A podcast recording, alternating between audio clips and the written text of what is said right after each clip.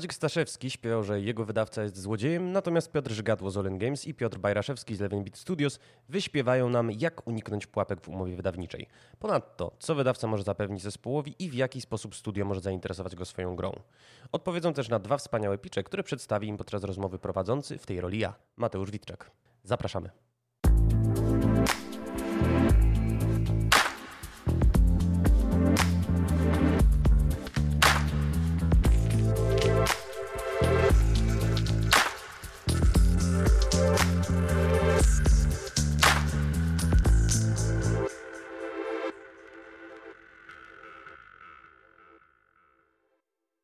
Moim pierwszym gościem jest Piotr Żgadło, prezes All In Games. Cześć Piotrze.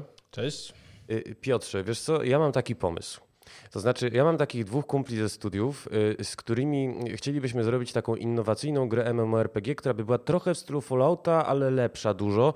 Y, czy wyłożysz na to pieniądze? Nie ma sprawy. Nie ma sprawy, tak? Dokładnie. My się z dżemów znamy. Ale w sensie już, już, już, czy jutro może być? Znaczy, no jeszcze nic nie mamy, nie? Ale no, może do jutra byśmy coś mieli. Jakiegoś tam, nie wiem, pitcha, design doka. Nie, to nie ma sprawy w ogóle. Jak już pitcha Super. macie, to bum. Znaczy, nie no ma pitcha, no ja- do banku. To był mój pitch przed chwilą. Ale dobrze, że skuteczny. No my- mówię, znamy się z dżemów, na jednym byliśmy, prawie żeśmy grę skończyli. No, no, Także do, dobra firma. Nie, całkiem poważnie. Wiesz co, chciałem wyjść od tego, bo oczywiście ten e, innowacyjny MMORPG to jest e, już trochę taki wyświechtany wręcz żart. E, Natomiast z czym ja do ciebie powinienem przyjść, żebyś zapałał do mojego projektu sympatią i chciał go sfinansować? Super pytanie, bo pozwala mi troszeczkę zmienić odpowiedź i odpowiedzieć na inne pytanie. Mianowicie to się roz- rozbija troszeczkę to, jakich, z jakimi my devami chcielibyśmy pracować. Nasz idealny dev to jest firma, która już coś zrobiła.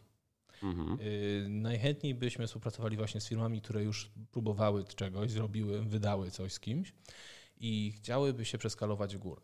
Yy, Może zrobiły grę mobilną, może zrobiły grę indie, może zrobiły em, jakąś grę em, z jakimś innym wydawcą, który na innych budżetach operuje, ale coś zrobiły, wiedzą już jak to wygląda, wiedzą już em, jakie wyzwania niesie ze sobą wypchnięcie z gotowego produktu. I z takim devem byśmy najchętniej współpracowali. Oczywiście zdarza się różnie. W poniedziałek mamy rozmowę z totalnie nieopierzonymi devami na przykład, bo pitch był na tyle fajny. Natomiast y, już odpowiadając w pełni na Twoje pytanie, y, interesują, nie, przeważnie nie podpisujemy kontraktów z nowymi zespołami, z którymi jeszcze nie współpracowaliśmy, bez grywalnego dema. Czyli nie wchodzicie all in. Y, Wchodzimy all-in, ale wtedy, kiedy coś widzimy. Okej, e, wspomniałeś, że lubicie współpracować z zespołami, które już coś zrobiły. I e, jest tutaj pewien tytuł, który mnie zachwycił. Mówię o Ghost Runnerze, który jest w waszym ofercie i chyba można śmiało powiedzieć, że to jest wasz najważniejszy tytuł na ten moment. E, No i który teraz rzeczywiście święci triumfy. No, przypomnę, że e, zwyciężył w Digital Dragons Indie Celebration. W ciągu tygodnia demo ponad 100 tysięcy razy e, pobrano. No i wygenerowała ta gra publikacje no, w największych serwisach branżowych. Ale One More Level wcześniej przez 4 lata robiło God Triggera. Zresztą y, no, przy aktywnym udziale Techlandu, bo nie jest tajemnicą, że w pewnym momencie mieli y, no, duże problemy. Musieli tę grę w zasadzie zrobić y, w dużej mierze od nowa. No i skąd, y, skąd pomysł, żeby na ten zespół akurat postawić? Znaczy, znowu pozwolę sobie odpowiedzieć na troszeczkę jeszcze jedno pytanie, zanim przejdę do Twojego. Mianowicie chciałem podkreślić, jak bardzo nieprawdopodobną niesamowitą robotę zrobiło One More Level przy Ghost Runnerze. Oni w kwietniu zeszłego roku kończyli jeszcze Ghost Triggera. Robili yy, patche yy, yy, do, do gry, która właśnie wyszła. Yy, a w tym momencie mają praktycznie skończony nowy projekt, czyli ile to jest? Yy, 16-17 miesięcy i mają już skończony nowy projekt, który w tym momencie zaczyna wchodzić w fazę y, właśnie przygotowań do, do, do wydania. Jest to coś niesamowitego, tym bardziej, że ten produkt jest dużo większy, y, rob- jest na zupełnie innym poziomie, jest na zupełnie innym silniku. Ciężko mi znaleźć przykład innej firmy, która takie coś zrobiła i osobiście jakby ktoś mi powiedział coś takiego, to bym nie uwierzył, że takie coś jest możliwe. Y, Więc y, to jest naprawdę, naprawdę niesamowita sytuacja i y, jestem pełen podziwu do całego zespołu i tutaj naprawdę wielkie gratulacje. O właśnie, Zasadne. dokładnie, dokładnie. Natomiast zauważmy, że God Trigger był bardzo dobrą grą. Bo jak popatrzymy po recenzjach, jak popatrzymy po opiniach na Steamie, jak popatrzymy po opiniach ludzi, którzy grali, to była bardzo dobra gra. Yy, nie byliśmy wydawcą tej gry, chociaż bardzo chcieliśmy, ale trzeba byłoby po prostu trzeba byłoby się zastanowić, co gdzieś tam nie zagrało. Może nie wiem, może to nie był moment na twin stick shootery. Nie wiem. Y, znaczy, y, Piotr, żebyśmy mieli jasność, mi to nie chodzi nawet o ocenę, y, nie wiem, czy sprzedaży, czy jakości artystycznej, bo pełna zgoda, bardzo dobry tytuł. Tylko był tworzony 4 lata, był tworzony, no, no była to produkcja z problemami i, i zastanawiam się, z czym do ciebie przyszli, czym cię przekonali. Znaczy, będąc zupełnie szczery, to akurat jest projekt, który odziedziczyłem. To jest jeden z niewielu projektów, które były w firmie, zanim ja do niej dołączyłem jakkolwiek nazywam się, jestem nazywany formalnie współzałożycielem, y, to jednak y, no, parę rzeczy, parę ruchów zostało wykonanych, zanim firma w ogóle jeszcze zaczęła istnieć jako wydawca, zanim w ogóle zaczęto o tym rozmawiać. Y, I to jest jeden właśnie z takich z tych elementów.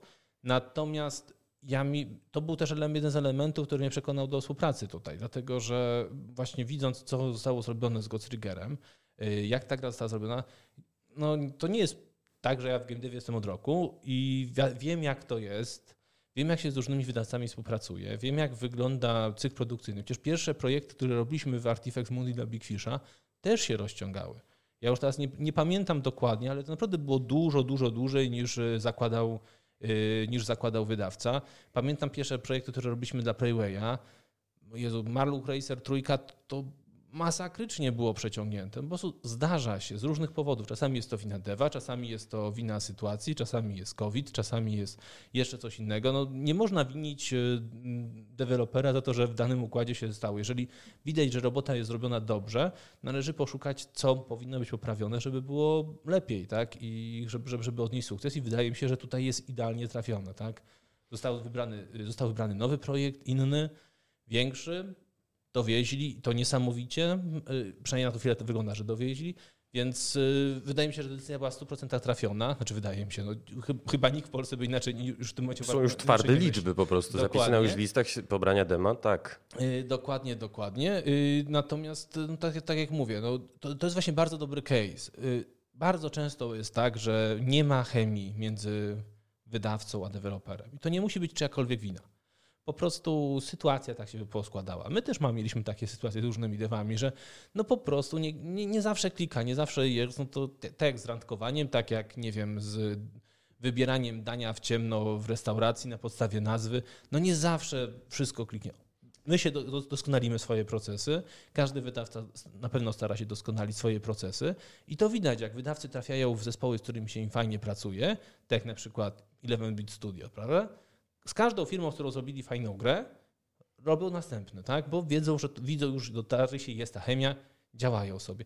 Natomiast no, każdy wydawca masz też firmy, z którymi dalej nie współpracuje i jakieś powody z tego są. A powiedz mi, jak y, chemia i, i randkowanie wasze z poliamorystami? Pytam dlatego, że padło w naszej rozmowie takie zdanie, że poczekaj, pozwolę sobie zacytować.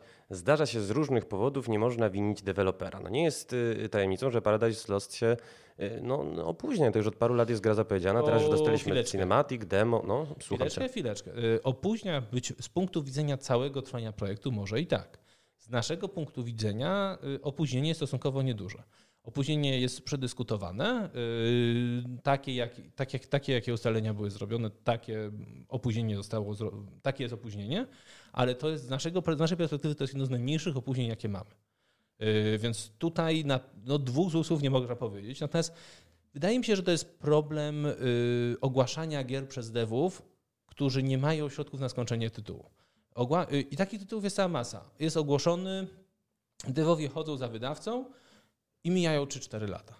Yy, no i znajdują wydawcę, no i potem wygląda to, że, że, że, że prace nad grą trwają 4 lata, ale tak naprawdę oni usiedli do projektu, no nie chcę skomać, w marcu, w lutym, zeszłego roku y, i zaczęli robić go tak już y, na całym, po całości zespół zaczął pracować i efekty zaczęły być dosyć szybko widoczne, więc tutaj no, to, to, to, nie, to nie, jest tak, nie jest tak, jak to może wyglądać z boku. Okej, okay, ale zapytam taki follow-up trochę.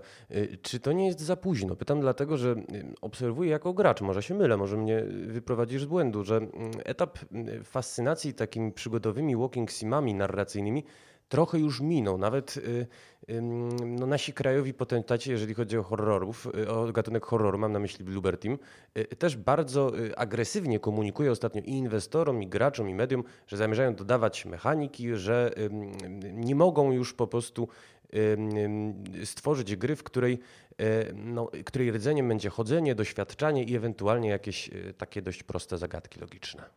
E, jest to jakiś problem. Natomiast zawsze, jeżeli mówimy o rynku, to powstaje pytanie, czy to, że nikt nie robi jakiejś rzeczy, to znaczy, nie znaczy, że jest jakieś miejsce na coś. I w drugą stronę niestety. W sensie to jest no, troszeczkę zgaduj zgadula. Jak jeżdżę po targach, to zawsze widzę bardzo, bardzo dużą liczbę point and clicków, które są pitchowane. Zawsze. Nie, nie ma targów, żeby nie, żeby nie dostał 3-4 point and, pitchów point and clicków. Całkiem ładnych, fajnych gierek. Każdy jest przekonany, że bo, bo przecież nie ma point and clicków. Nie ma, bo się masakrycznie nie sprzedają. Yy, I tutaj wiem, jest to sprawdzone mm, przez znajomych. Okej, okay, z Artifactsa przecież. Znaczy, Artifact robi, robił trochę coś innego dla innego targetu i to się sprzedawało i to się sprzedaje dalej. No Hidden Objecty tak, no ale y, My Brother Rabbit, czy jak się nazywa ta ich druga E, grano. Znaczy, te... wiesz co, y, nie ben... no znowu, nie byłem odpowiedzialny za wydawanie tych gier, y, więc nie mi komentować, bo nie znam sytuacji.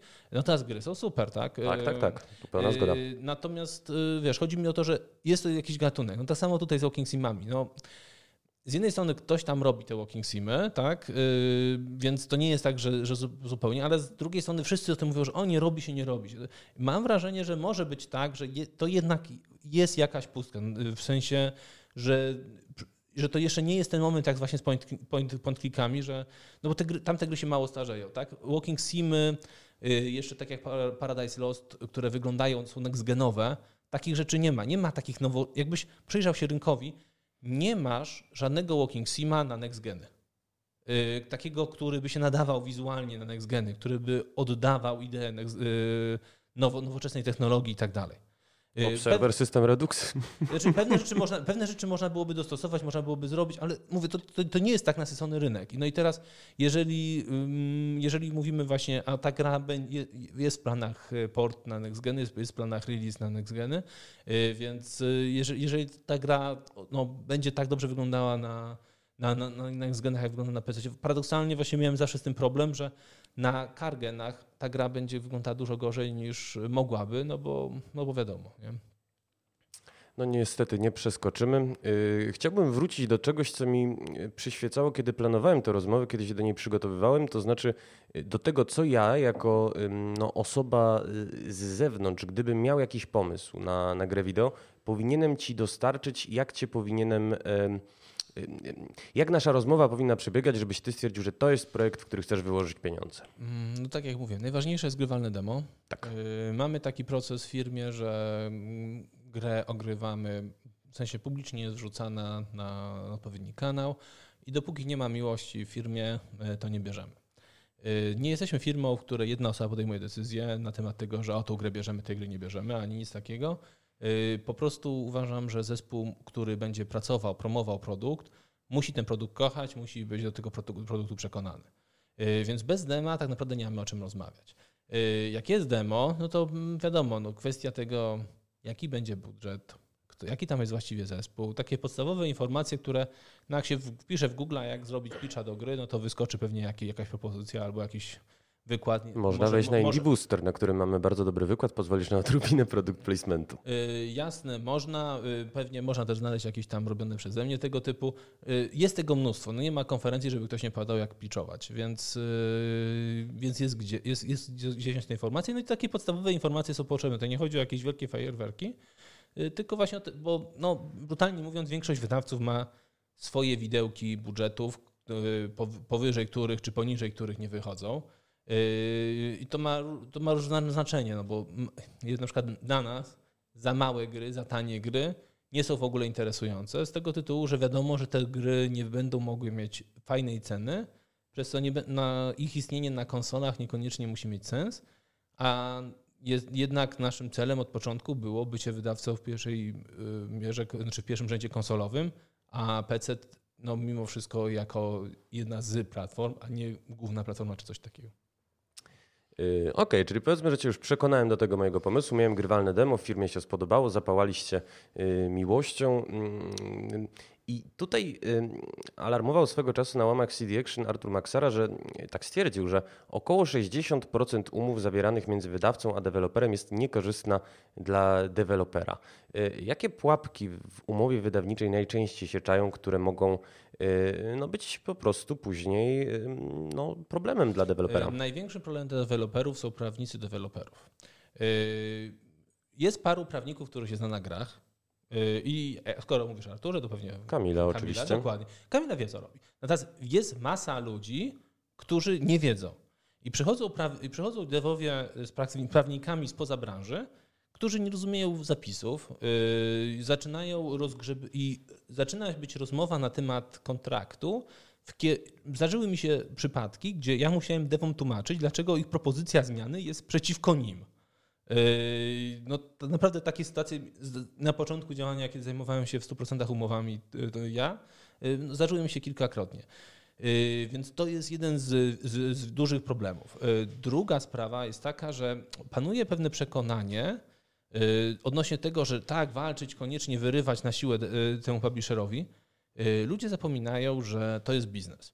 Jeżeli ktoś dostanie grę, która mu się nie będzie opłacać, i jeżeli w trakcie developmentu, albo nie wiem, przed wydaniem gry, nagle się okaże, że nie, warunki rynkowe się zmieniły, na przykład gra się opóźniła i już wychodzi w innym okienku, może się okazać, że po prostu taki produkt będzie no, traktowany gorzej, no bo jeżeli brutalnie jako firma na tym nie zarobię, to jest tak jak, jak, jak, jak sprzedawcy napojów, czy papierosów, czy czegokolwiek. No jeżeli na tym papierosie zarabiam więcej, to go wystawię bliżej, bliżej okienka, tak? Żeby go wszyscy widzieli, czy tam piwo, czy cokolwiek innego. Po prostu y, jest, jest to oczywiste, że, że każdy będzie promował ten produkt, który, ten produkt, który jest y, na, na którym zarobi więcej, zarobi mhm. lepiej. Y, bo każdy jednak patrzy na, te, na pieniądze, więc y, nadmierne żyłowanie y, kontraktów też niekoniecznie jest korzystne, bo potem dochodzi do takiej sytuacji, że nikomu się no, brutalnie. Tak, ty poruszyłeś temat tego, że się gry rozciągają na 4-5 lat, tak? No i teraz są jakieś warunki zapisane i nikomu się nie opłaca już dalej inwestować w ten produkt. Bo deweloper wie, że już nie, nie, nic z tego mu nie przyjdzie, że wyłoży więcej pieniędzy, Publisher tym bardziej nie wyłoży więcej pieniędzy, bo kontrakt został zrobiony, jak został zrobiony, więc to jest bardzo tricky sytuacja i szczerze mówiąc nie mam na to prostej odpowiedzi.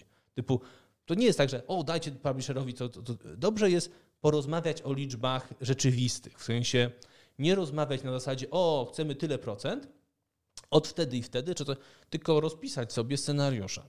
Y, co będzie, jeżeli będzie taka sprzedaż, co będzie, jeżeli będzie taka sprzedaż, kiedy ile otrzymamy pieniędzy, policzyć, zobaczyć, zastanowić się, y, bo po pierwsze łatwiej będzie wtedy zrozumieć stanowisko publishera, y, bo no, na przykład my ma, widzimy po sobie, że nasze koszty, i to nie mówię o naszym, kosztach naszych pracowników, tylko pieniądzach, które wydajemy na lokalizację, testy, marketing i tak dalej, potrafią zajmować drugie tyle co budżet, a czasami nie trochę więcej. Y, gdzie też uważam, że moglibyśmy mieć większe budżety marketingowe. I no, w tym momencie, jeżeli wykładamy pieniądze na development, wykładamy drugie tyle na, na wszystkie dodatki, no to chcielibyśmy, żeby nam się to zwróciło. No I stąd są takie warunki, jakie są. Yy, więc tak jak mówię, porozmawianie o tych liczbach może pozwolić y, się stronom lepiej zrozumieć i może pozwolić stronom znaleźć sobie jakiś tam lepszy sweet spot, jeżeli chodzi o, o, o te warunki. Yy, jakie są ryzyka? No, szczerze mówiąc, yy, no, problem jest taki, że nawet jeżeli umowy nie są korzystne dla dewelopera, to bardzo często zapisy, okazuje się, że zapisy, które są problematyczne, są problematyczne dlatego, że są nie, rzeczy niedodefiniowane. Że jest coś rozmyte, jest coś tylko wspomniane, yy, nie jest coś wspomniane, jest przemilczane i trzeba szukać w jakimś zewnętrznym kodeksie, jak to brzmi, co to właściwie ma być. Yy, więc miałem takie sytuacje kilkukrotnie, że ktoś chciał zrezygnować z kontraktu, y, no i było takie, no ale w sumie to według kontraktu tak nie bardzo, albo w sumie kurde, to bardziej by się opłacało coś innego zrobić. A raz mi ktoś nawet powiedział, że w sumie to ten kontrakt jest tak napisany, że w sumie to nikt nie ma prawa do niczego i trzeba iść do sądu, żeby wyjaśnić, y, kto ma prawa do... do i, i, to jest bardzo częsta sytuacja, także nie, nie, na pewno jest znany case wszystkim, co jeżeli deweloper użyje w grze materiałów, które należą do, jeżeli deweloper zostawia sobie IP i daje tylko licencję publisherowi, ale publisher da mu jakieś grafiki, które zostaną użyte w grze, to co z tymi grafikami? To jest taki znany case, y, była sprawa wokół tego jakiś czas temu w polskim game devie. Y, tego typu rzeczy, a nikt nie myśli, bo nikt nie zakłada, że będzie potrzebował coś.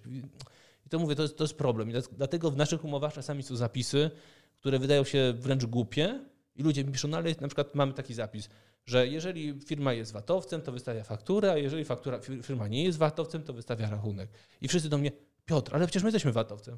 Ja mówię, żyjemy w Polsce, a jak, coś, a jak się to zmieni? To co? Będziemy, będziemy mieć zapis, że wystawiacie fakturę i nie będziecie mogli wystawić faktury, czyli my nie będziemy, musieli, nie będziemy mogli wam zapłacić. No i y, mamy czasami ta, takie zapisy, które wydają się być bardzo y, niepotrzebne, no ale one, one się właśnie biorą stąd, że staramy się przewidzieć dziwne sytuacje, które mogą zajść w trakcie rozgadałem się na temat umów. Ale... Rozgadałeś się i właśnie chciałem Ci troszeczkę wejść słowo, bo nie chciałbym, żeby e, przekaz tej naszej rozmowy był minorowy, bo teraz mówimy o różnych ryzykach, jakie mogą się pojawić na linii wydawca-twórcy. E, chciałbym też powiedzieć trochę o szansach. To znaczy, jeżeli już w takim razie ja Ci e, zapiczowałem grę, przedstawiłem demo, cały zespół jest za, wchodzimy, podpisujemy umowę, to co Ty jako wydawca, mnie twórcy, możesz de facto dać? Wszystko. Wszystko, czyli co? Oj, wszystko i co to tylko sobie wymarzysz. E, a tak na poważnie. My, naszym, naszym model biznesowy, ja zawsze mówię, się śmieję, że chcemy być wydawcą, który łączy ze sobą tradycyjne podejście z nowoczesnym. W sensie z jednej strony oferujemy, my powstawaliśmy w momencie, kiedy bardzo, modny by, bardzo modni byli tak zwani indie publisherzy, którzy brali gry nie wykładając ani złotówki, wydawali je i brali z tego jakiś procent. Yy, no teraz to się troszeczkę przycięło, bo się ludzie na tym poznali, ale, ale był, był, był, był taki czas. Yy, natomiast no, z naszej strony tak naprawdę jesteśmy zainteresowani uczestniczeniem w projekcie od początku do końca. Stąd właśnie jakiś demo, prototyp, yy, vertical slice czy coś takiego nas musimy dostać, chcemy dostać. Natomiast potem chcielibyśmy być od początku, żeby jak najszybciej pomóc devowi tą grę udoskonalić, ponieważ development to jest proces iteracyjny. To każdy, kto mówi inaczej, mm, no nie zgadzam się z nikim, kto mówi inaczej, może w ten sposób. Yy, trzeba wykonać kilka iteracji. Trzeba sprawdzić to z rynkiem, trzeba sprawdzić to z ludźmi. Yy, ekipa Ghostrunnera pokazuje swój tytuł, zaczęła pokazywać swój tytuł miesiąc przed rozpoczęciem produkcji.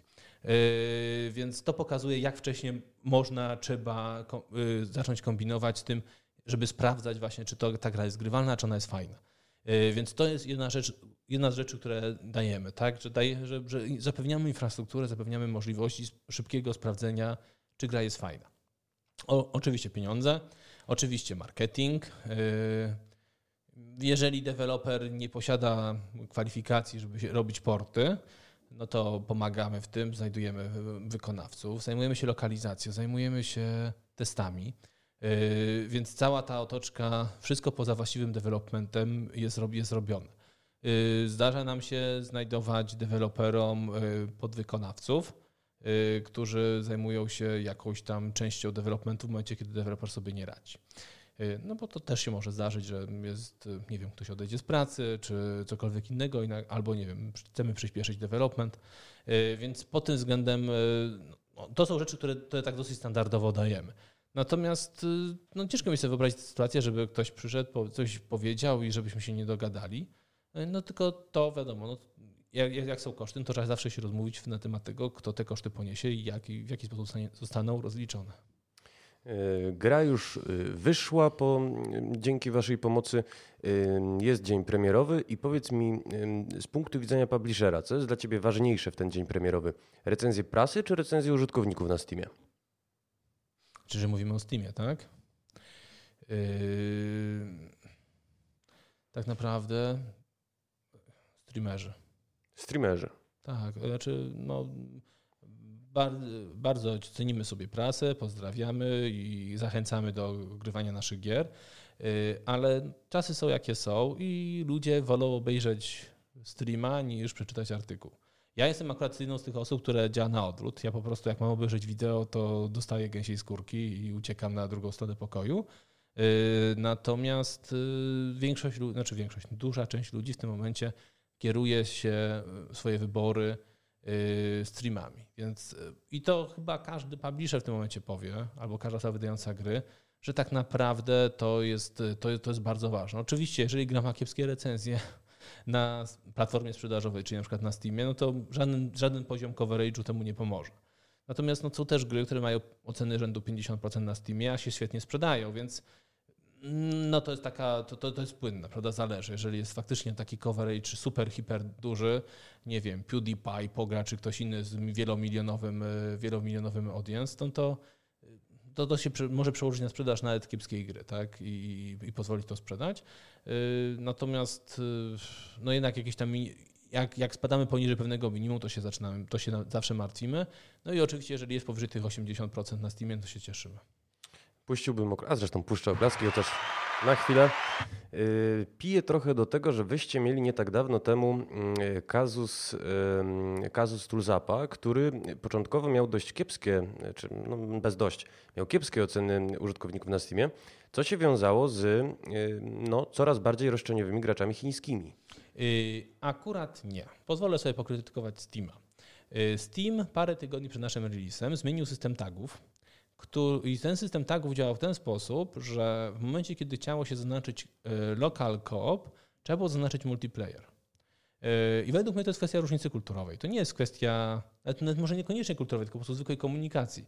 Jeżeli się na Steamie pojawiała informacja, że gra ma multiplayer i local co-op, no to dla dużo, dużej części graczy to samo to zobaczyli multiplayer, mieli okej, okay, no mamy multiplayer, a gramy, tak? Ja doskonale wiem, wybaczcie, wejdę słowo. Rozmawialiśmy o tym z prezesem Knights of Unity i generalnie przez niedostępność Remote Playa w Chinach Y, takie mm, skargi były.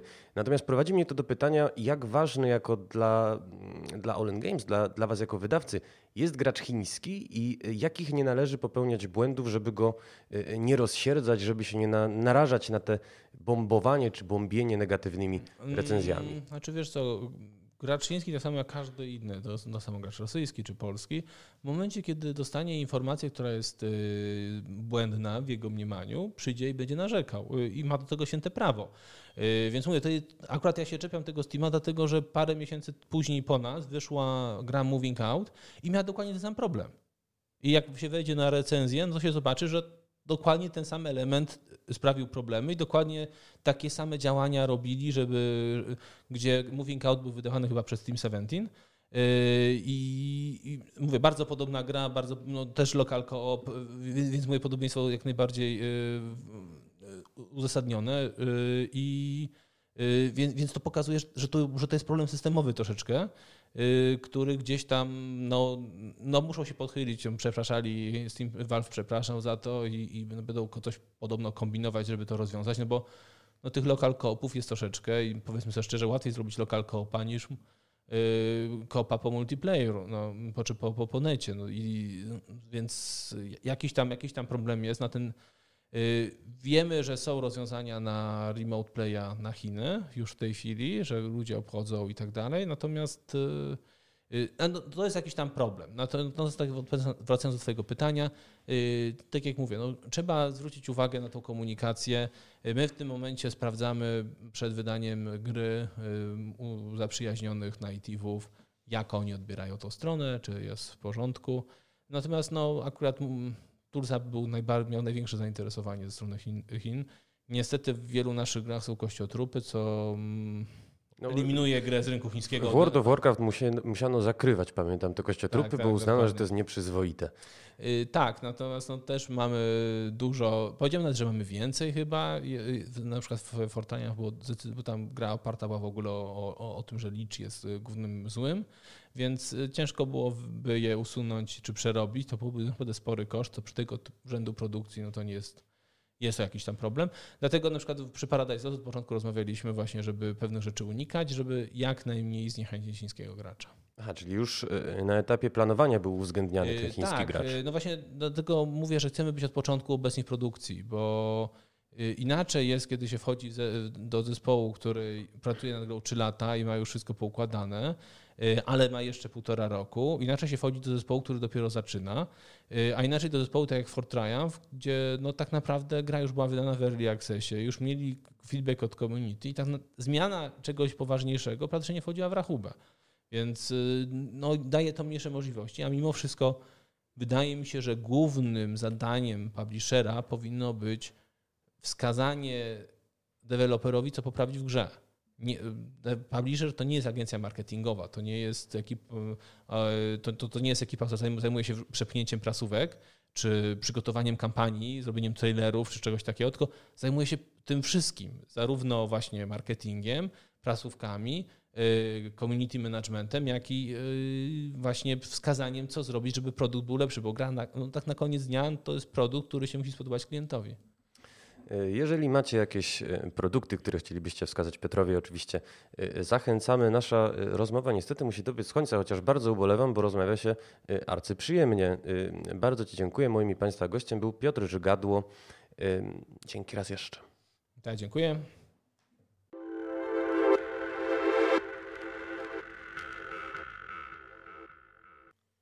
Moim drugim i ostatnim gościem jest Piotr Bajraszewski, Eleven Beat Studios. Cześć.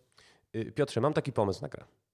To znaczy, mhm. ja bym chciał, żeby to był z jednej strony Wiedźmin 3 trochę, ale może Gothic 2 fajna gra i jeszcze z elementami Heroes of Might and Magic 3.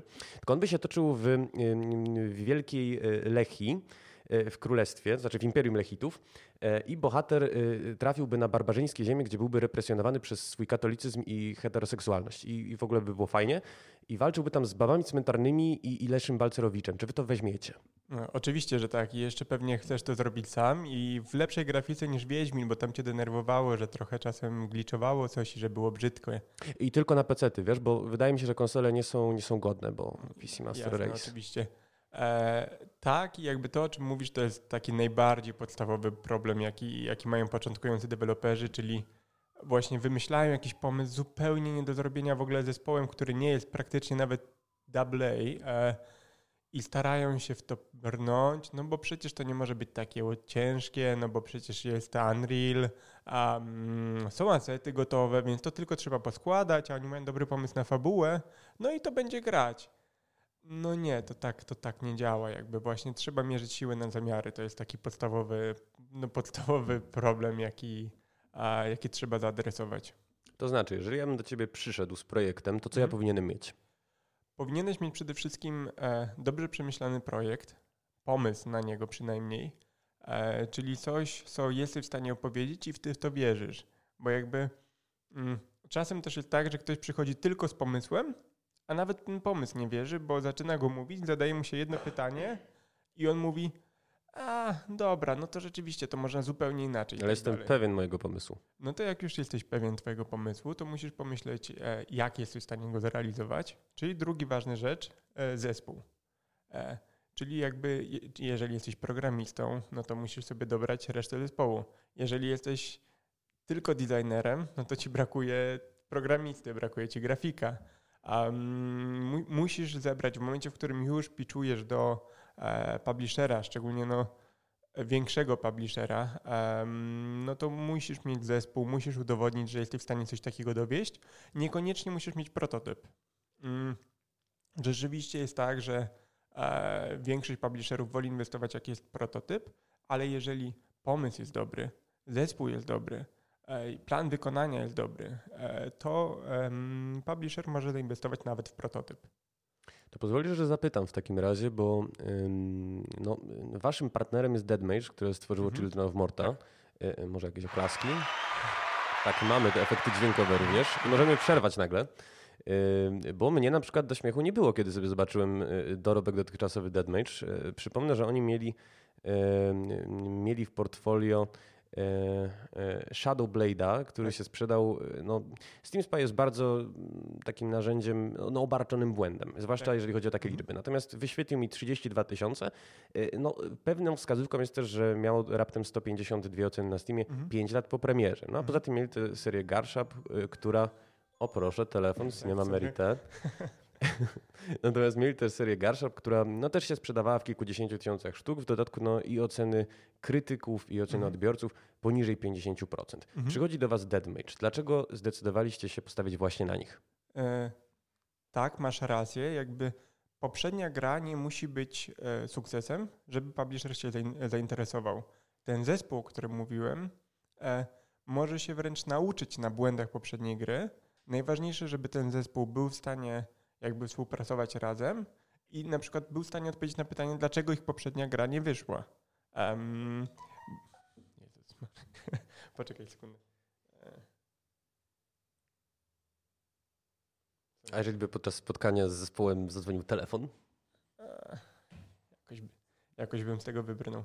To akurat jakaś armia budzików um, i przypomnień. Um, co do Dead Mage'a, e, tak, jakby te poprzednie gry są bardzo często jakby takim proof of concept technicznym zespołu, czyli że um, dany zespół jest w stanie zrobić grę, E, ta gra rzeczywiście może być 7 na 10, 6,5 e, na 10.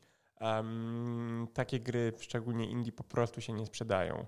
E, jeżeli my patrzymy na taką grę i wiemy, jakie oni tam popełnili błędy i tak dalej, ale tym błędem na przykład nie jest to, że zespół jest nieumiejętny, to to jest bardzo, um, bardzo dobra flaga dla publishera, że jeżeli teraz przychodzi taki zespół i ma lepszy pomysł, nauczył się na poprzednim projekcie, że na przykład skala była za duża właśnie na, um, na, na, na taki projekt, jaki robili, e, no to to jest zespół godny podpisania jakby kolejnego projektu, bo to już jest ktoś, kto się, kto się czegoś nauczył. A powiedz mi, ci martwi magowie to przyszli do was, czy wy do nich? E, wiesz co, szczerze mówiąc do końca nie pamiętam. E, to było jakoś tak, że na evencie się z nimi spotkaliśmy, ale to było już w ogóle zarówno Moonlighter, jak i Dead Mage w momencie podpisania już byli po Kickstarterze. Więc jakby ten Kickstarter, um, ten Kickstarter jako e, jakby sposób bycia zauważonym przez publisherów jest w ogóle fajnym, um, fajnym sposobem, bo jakby on już coś udowadnia, że, um, że jakby, że jest zainteresowanie grą, e, że, że, że zespół był w stanie coś tam zaprezentować. Mm, więc rzeczywiście tutaj oba zespoły były już po Kickstarterze. No i rzeczywiście był probierz zainteresowania. Natomiast nie jest tajemnicą, że Eleven Bit zatrudnia scoutów, zwiadowców, tak. którzy y, no, przeczesują Steama i domyślam się, że inne platformy, żeby znaleźć y, nowe tytuły do, do waszego portfolio. Y, czego szukacie? E, wiesz co, no my szukamy e, głównie gier z tej naszej kategorii, czyli z gier Meaningful Entertainment. To jest jakby nasza... Mm, nisza, tak to nazwijmy. E, chociaż jest to nisza, która jest w stanie sprzedać po kilka milionów sztuk, ale, ale mimo wszystko jest to dalej nisza. E, I to są gry, które chcemy robić e, i na takich grach się skupiamy na przyszłość. To jest coś, co teraz jakby w filozofii publishingu naszego też trochę się zmieniło, bo um, jakby gry publishingowe też chcemy, żeby, żeby spełniały ten, ten gatunek.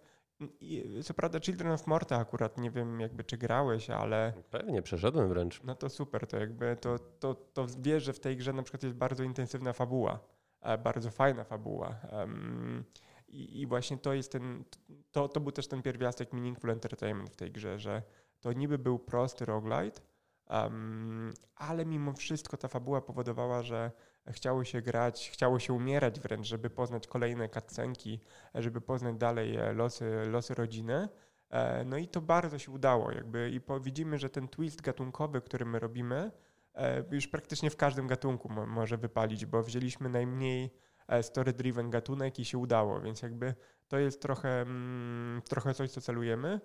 Niestety problem jest taki, że powoli się robi moda na, że tak powiem, meaningful entertainment i, i gry e, niby dojrzałe, więc często widzimy, że ktoś do nas piczuje grę, która nie ma w sobie nic, ale jest tak na koniec, widać, że piczują do 11-bit Studios, to na koniec tak posypią ją, no a tutaj jest dziecko tego człowieka i ono umarło na początku. I właśnie to jest ta, e, to, to jest ten meaningful entertainment, który, który, który, który, który ktoś dosypuje.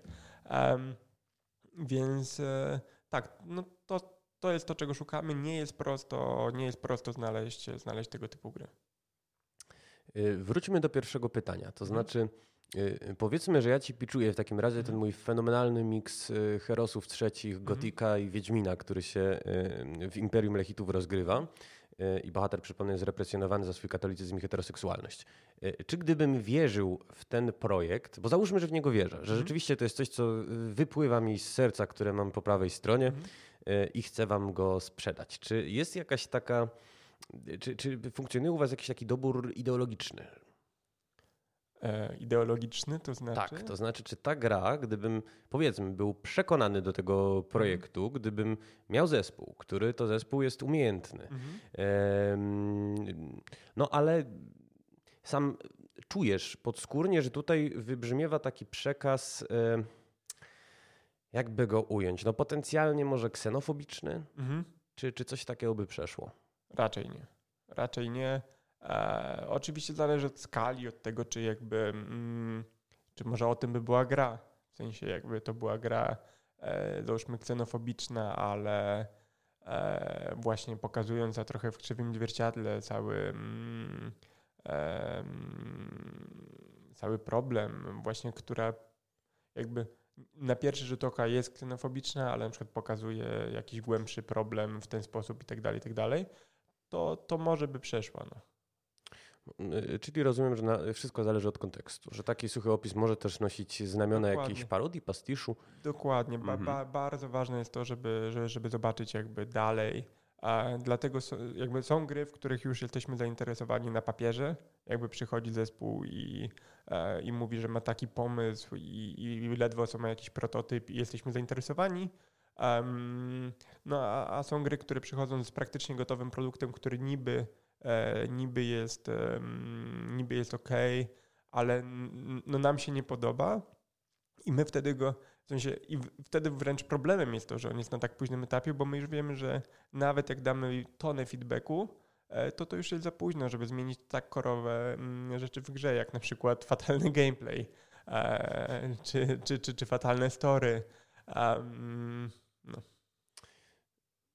Dobrze, więc mam y, produkt, który nie jest y, za późno, który mhm. z wami rezonuje, mhm. Y, chcecie go wydać. Powiedz mi, czy wy zachowujecie prawa do marki? Nie. Nie, czyli Dead Mage ma Children of Morten, tak. Moonlighter też nie wasz. Tak. A jak w ogóle konstruujecie umowy? No umowa jest, Umowa jest, że tak powiem, typową umową wydawniczą. Um, jakby to jest coś, co, i to, co ciekawe, nasza umowa też iteruje. Każdy kolejny projekt nas e, uczy czegoś kolejnego. Jakby to są kolejne rzeczy, które, um, które dodajemy lub zmieniamy w umowach. E, ogólnie o jakichś tam warunkach umów czy, czy tego typu rzeczach, no to wiadomo, że nie mogę mówić jakby publicznie, że tak powiem. Um, ale jeżeli chodzi o umowę, to chciałem tylko jakby zaznaczyć jedną ważną rzecz, która dotyczy umów wydawniczych, a propos wszystkich deweloperów, e, że czytajcie umowy i czytajcie je uważnie, bo umowy są tak naprawdę warunkami waszej współpracy z deweloperem e, i jakby to one są takim guidebookiem tego, co się będzie działo, jak będzie dobrze, co, co się będzie działo, jak będzie źle. I ważne jest to, na przykład my, jak podpisujemy umowę z partnerem, E, to po prostu siadamy z nim i praktycznie akapit po akapicie przechodzimy i mu opowiadamy, co w tej umowie jest e, i co się stanie, jak coś nie pójdzie i tak dalej, tak dalej. I w ten sposób później nie ma zaskoczenia, że na przykład przychodzi premiera mm, i deweloper się pyta, nie wiem, załóżmy, kiedy dostanę pieniądze, bo żył w przeświadczeniu, że od pierwszej sztuki sprzedanej dostanie, e, dostanie pieniądze, a okazuje się, że podpisał umowę z publisherem, który ma tak zwane rekupy, czyli sobie rekupuje, znaczy zwraca koszty najpierw, które poniósł, więc przy, w takiej umowie jest w ogóle szansa, że gra słabo pójdzie, um, czyli niestety tak jak sporo gier, e, to taki deweloper nie zobaczy w ogóle żadnych pieniędzy, pieniędzy z takiej, e, z takiej um, gry, więc warto czytać umowę, warto zrozumieć jakby co się podpisuje, żeby później uniknąć problemów. No i um, jakby to, co, co, co my też staramy się um, zawsze, zawsze robić w umowie i w ogóle przy, przy rozmowie z partnerem, to znaleźć wspólną wizję tego, jakby, jaką grę my robimy. E, to znaczy, e, jaka to jest skala gry, ile my tego chcemy sprzedać i, i czy na pewno jakby partner celuje w to samo, co my, bo jeżeli partner chce zrobić grę, którą e, uważa, że się sprzeda w 30 tysiącach sztuk na przykład, no to nie jest gra, którą my chcemy wydać. To jest jakby są publisherzy mniejsi, którzy mm, albo nawet i więksi, którzy robią mniejsze gry e, i dla nich jakby e, zrobienie gry, za 30, która sprzeda 30 tysięcy sztuk jest ok, ale oni muszą jakby partner musi o tym wiedzieć. Na przykład mamy taki śmieszny zapis, który mieliśmy z Moonlighterem w umowie, że jak gra sprzeda x kopii, to jakby to jest, zespół będzie happy e, i muszą nam wtedy przysłać tam 5 kg najlepszej hiszpańskiej szynki o wartości tam minimum 500 euro i tak dalej. Wysłali wam? Wysłali nam, e, chyba po tygodniu w ogóle od premiery, um, ale, ale to, ten zapis już brzmi śmiesznie, ale trochę, trochę właśnie był po to, żeby zrozumieć, e, czego, czego zespół oczekuje, kiedy będzie szczęśliwy. Okej, okay, muszę przyznać, że wywalczy we mnie taka skłonność, żeby przerwać podcast i zrobić z tego newsa, bo jest cudne, naprawdę. Aczkolwiek y, poruszyliśmy tutaj dwie ważne kwestie. Zacznę od pierwszej. Powiedziałeś, że zastanawiacie się wspólnie, jaką grę my robimy. Mhm. Użyłeś tego zaimka my. Tak, tak. I ja się od długiego czasu zastanawiam nad tym, e, na ile Bit, Eleven Bit jest wydawcą, a na ile mhm. jest współproducentem tych tytułów. Wiesz co, bardzo zależy od e, tytułu ale ogólnie to, ile my wsadzamy w te gry, no to jest na pewno więcej niż normalny publisher. Um, z szacunku dla deweloperów, no nie można powiedzieć, że to jest co-development, bo jakby to nie jest tak, że na przykład ktoś od nas kodzi. E, ale na przykład to jest tak, że zbieramy rundy feedbacków, takich głębokich feedbacków, nie tylko z zespołu publishingowego, chociaż też e, z QA oczywiście, bo mamy jakby QA dedykowany, ale też lidzi e, naszych gier wewnętrznych ogrywają gry publishingowe i, dają swój feedback do, do tych gier, więc jakby no bardzo mocno ingerujemy w to, um, w którą stronę ta gra zmierza. E, decyzja należy do dewelopera um, zazwyczaj, ale, ale no tak, my, my rzeczywiście, rzeczywiście bardzo dużo wsadzamy pracy w to, żeby, żeby te gry były mm, jak najlepsze, no to też wynika z tego, że często przez to opóźniamy premiery. Jakby nie mamy problemu z opóźnianiem gier, żeby podnieść jakość tych gier. I to jest na przykład coś, co się działo z Children of Morta. Wielokrotnie przykładaliśmy premierę, po prostu stwierdzając tak, po pierwsze robimy masę fokus testów.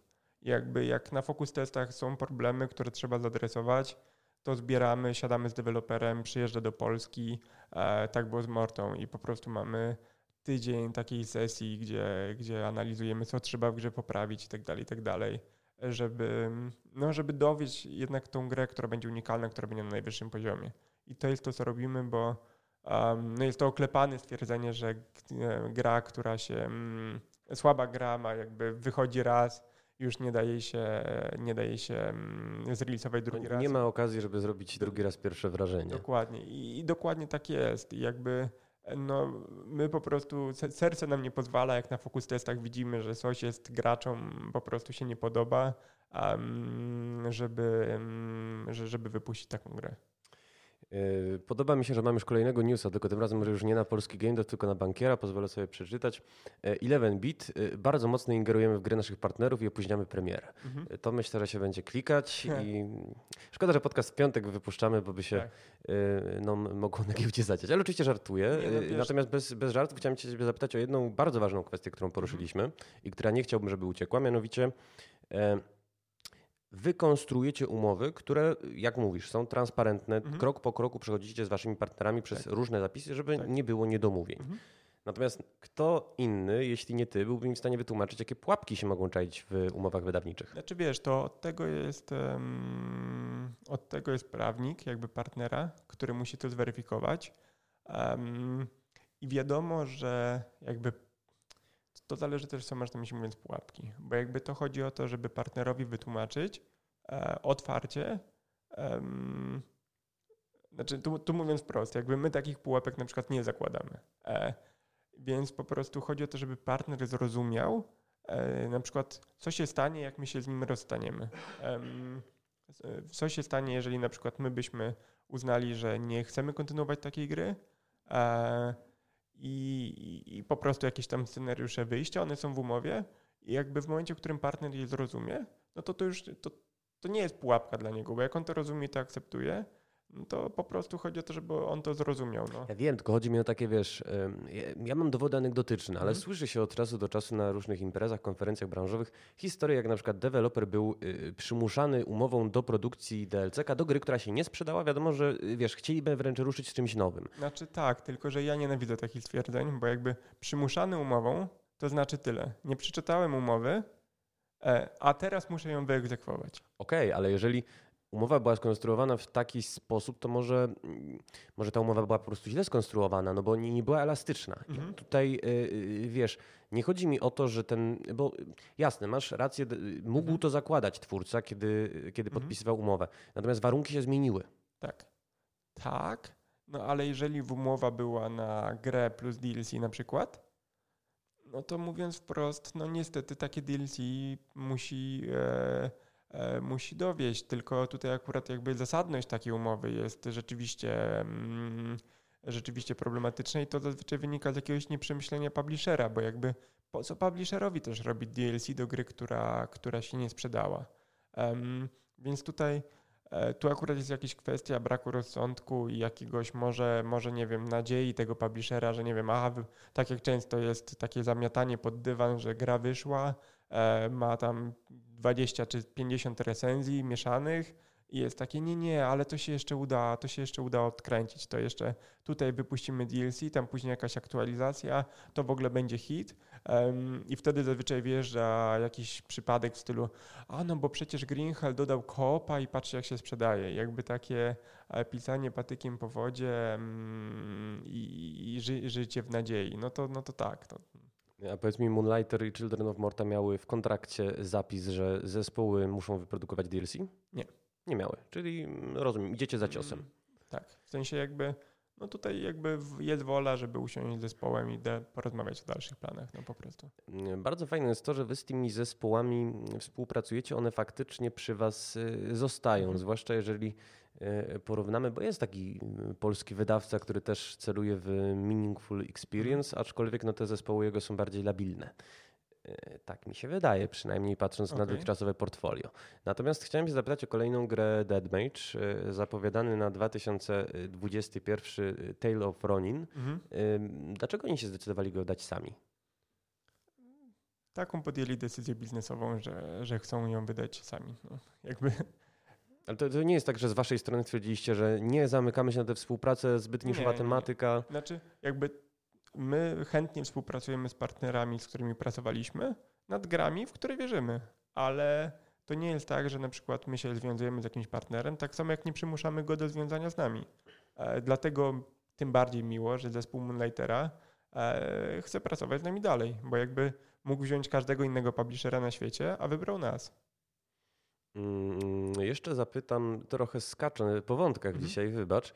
Y, natomiast y, skąd wy czerpiecie? To znaczy, y, z Full teraz robicie RPG. Mhm. mhm. Zresztą może pochwalimy się, bo powinno to już paść na tym etapie mhm. rozmowy, że całkiem niedawno pochwaliło się Eleven Beat Studios, że 40% dochodów czy przychodów mhm. pochodzi z działalności wydawniczej. No i zwiększyliście budżety tych czterech projektów, które pracujecie, do 25 milionów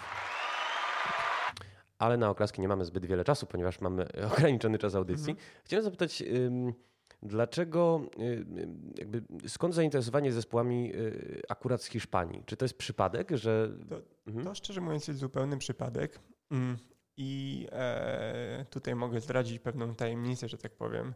E, Musiałem. Że to jest pierwszy zespół, który rzeczywiście poznaliśmy przez tą platformę Meet to Match. Czyli to jest taki, e, taka platforma, którą e, no, tam na każdym evencie w zasadzie współtowarzyszy, mm, współtowarzyszy każdemu eventowi i to jest taki quick dating, speed dating, przepraszam, to się nazywa, dla publisherów i deweloperów. Czyli siada się na pół godziny, um, bardzo często jedna z osób albo obie są na kasus, bo widziałeś na imprezie dzień wcześniej, ale tak mają po pół godziny, żeby poważnie porozmawiać o, o tym, co robią i o potencjalnych e, no, jakby możliwościach biznesowych. E, wielu deweloperów z Polski kwestionuje mm, chodzenie na te, na, na te eventy i rzeczywiście uważam, że na przykład nie ma co chodzić na, jeździć na każdy na całym świecie, bo tu można wtedy na tym spędzić e, cały rok, bo jakby one są co dwa tygodnie, ale uważam, że tak naprawdę no, na dwa, trzy w roku trzeba pojechać na, e, i, i, pobrać udział. A na które? Żeby, żeby znaleźć takiego mecenata artystycznego? No, wiadomo, że najlepiej pojechać. E... A, właśnie, i tu moja śmieszna taka, bo chciałem wymienić największe, czyli GDC, Gamescom, coś tam, coś tam, ale paradoksalnie mniejsze eventy, jak na przykład Barcelona Games Week, są, są, są całkiem ok, bo tam tych deweloperów jest mniej. Publisherzy zazwyczaj i tak kogoś wystawiają tam, więc jest więcej czasu, żeby porozmawiać na spokojnie z publisherem, um, umówić się na spotkanie, bo na przykład na takim Gamescomie pamiętam, że Fedor, czyli organizator tego Meet to Matcha, powiedział nam kiedyś, że jesteśmy najbardziej obleganym um, najbardziej obleganym firmą, jeżeli chodzi o requesty e, e, na, na spotkania na Gamescomie. Bo jakby z jednej strony są rzeczy biznesowe, bo, um, no bo jakby jesteśmy deweloperem, publisherem. Z drugiej strony właśnie osoby, które chciały um, które chciały nam coś spiczować, a z trzeciej, no wiadomo, że tam zawsze są jakieś takie mniejsze opportunity, tam jakiś merch, coś takiego, który chce się spotkać. E, więc na takim Gamescomie po prostu trzeba ciąć tych spotkań jedno za drugim, a w takiej Hiszpanii na luzie prawie z każdym można się spotkać i tak właśnie, e, ten, to, e, tak właśnie wyglądało nasz pierwszy kontakt z firmą Chibik. Um, oni wtedy chodzili z ich grą Summer in Mara, którą w końcu publishowali sami, ale udowodnili nią, to właśnie co mówiłem wcześniej, udowodnili nią, że ten zespół po prostu potrafi zrobić fajną grę. No i kolejny projekt już, e, już robią z nami. Ale warto, warto na takie spotkania chodzić, rozmawiać z ludźmi z zagranicy mm, i, e, i po prostu poznawać tych publisherów, bo jak nie ten projekt, to może kolejny, może coś tam, zawsze jakaś okazja się pojawi. Okej, okay, to na koniec y, pytanie, na które zapewne mi nie udzielisz odpowiedzi, mhm. ale warto spróbować. To znaczy, y, z tego co wiem, wy teraz y, planujecie wydać cztery gry. Mhm. Wspomnianego już RPG od Full Theory, mhm. kolejną grę Digital Sun Studios, Chibik, wspomniany przez ciebie, mhm. wyda dzięki wam Project Ava mhm. i jest jeszcze jedna gra. Mhm. I o tej grze mi nic nie powiesz, nie. ale być może jesteś mi w stanie zdradzić narodowość twórców. Nie, ogólnie, ogólnie jest tak, że. E, gdzie, gdzie, się spotkaliście? No. Gdzieś na świecie. Gdzieś na świecie, ale tak, tak w takim nie, małej tak, ojczyźnie jakiejś? Tak serio, wiesz, jesteśmy spółką giełdową i jakby takich rzeczy no, nie możemy mówić, które, które wiesz, są um, no po prostu. No. No ja wiem, tylko grzechem by było nie spróbować. No, no nóż jesteś, rozmawiamy, jesteś po kawie czy przed kawą? Mhm, właśnie przed. Przed, no to może być chlap, no, no niestety. Może powinniśmy postawić na inne napoje zresztą, bo jak, jak człowiek sobie chlapnie, to też łatwiej później chlapnie. Dokładnie, dokładnie. No to mamy w takim razie nauczkę. Następnym razem Piotra Bajraszewskiego yy, yy, uraczymy jakąś galaktusówką, mm -hmm. a nie wodą. Dzięki Ci piękne w każdym razie, że znalazłeś chwilę. Yy, przypomnę raz jeszcze, Piotr Bajraszewski, Eleven Bit Studios był moim Państwa gościem. Dzięki.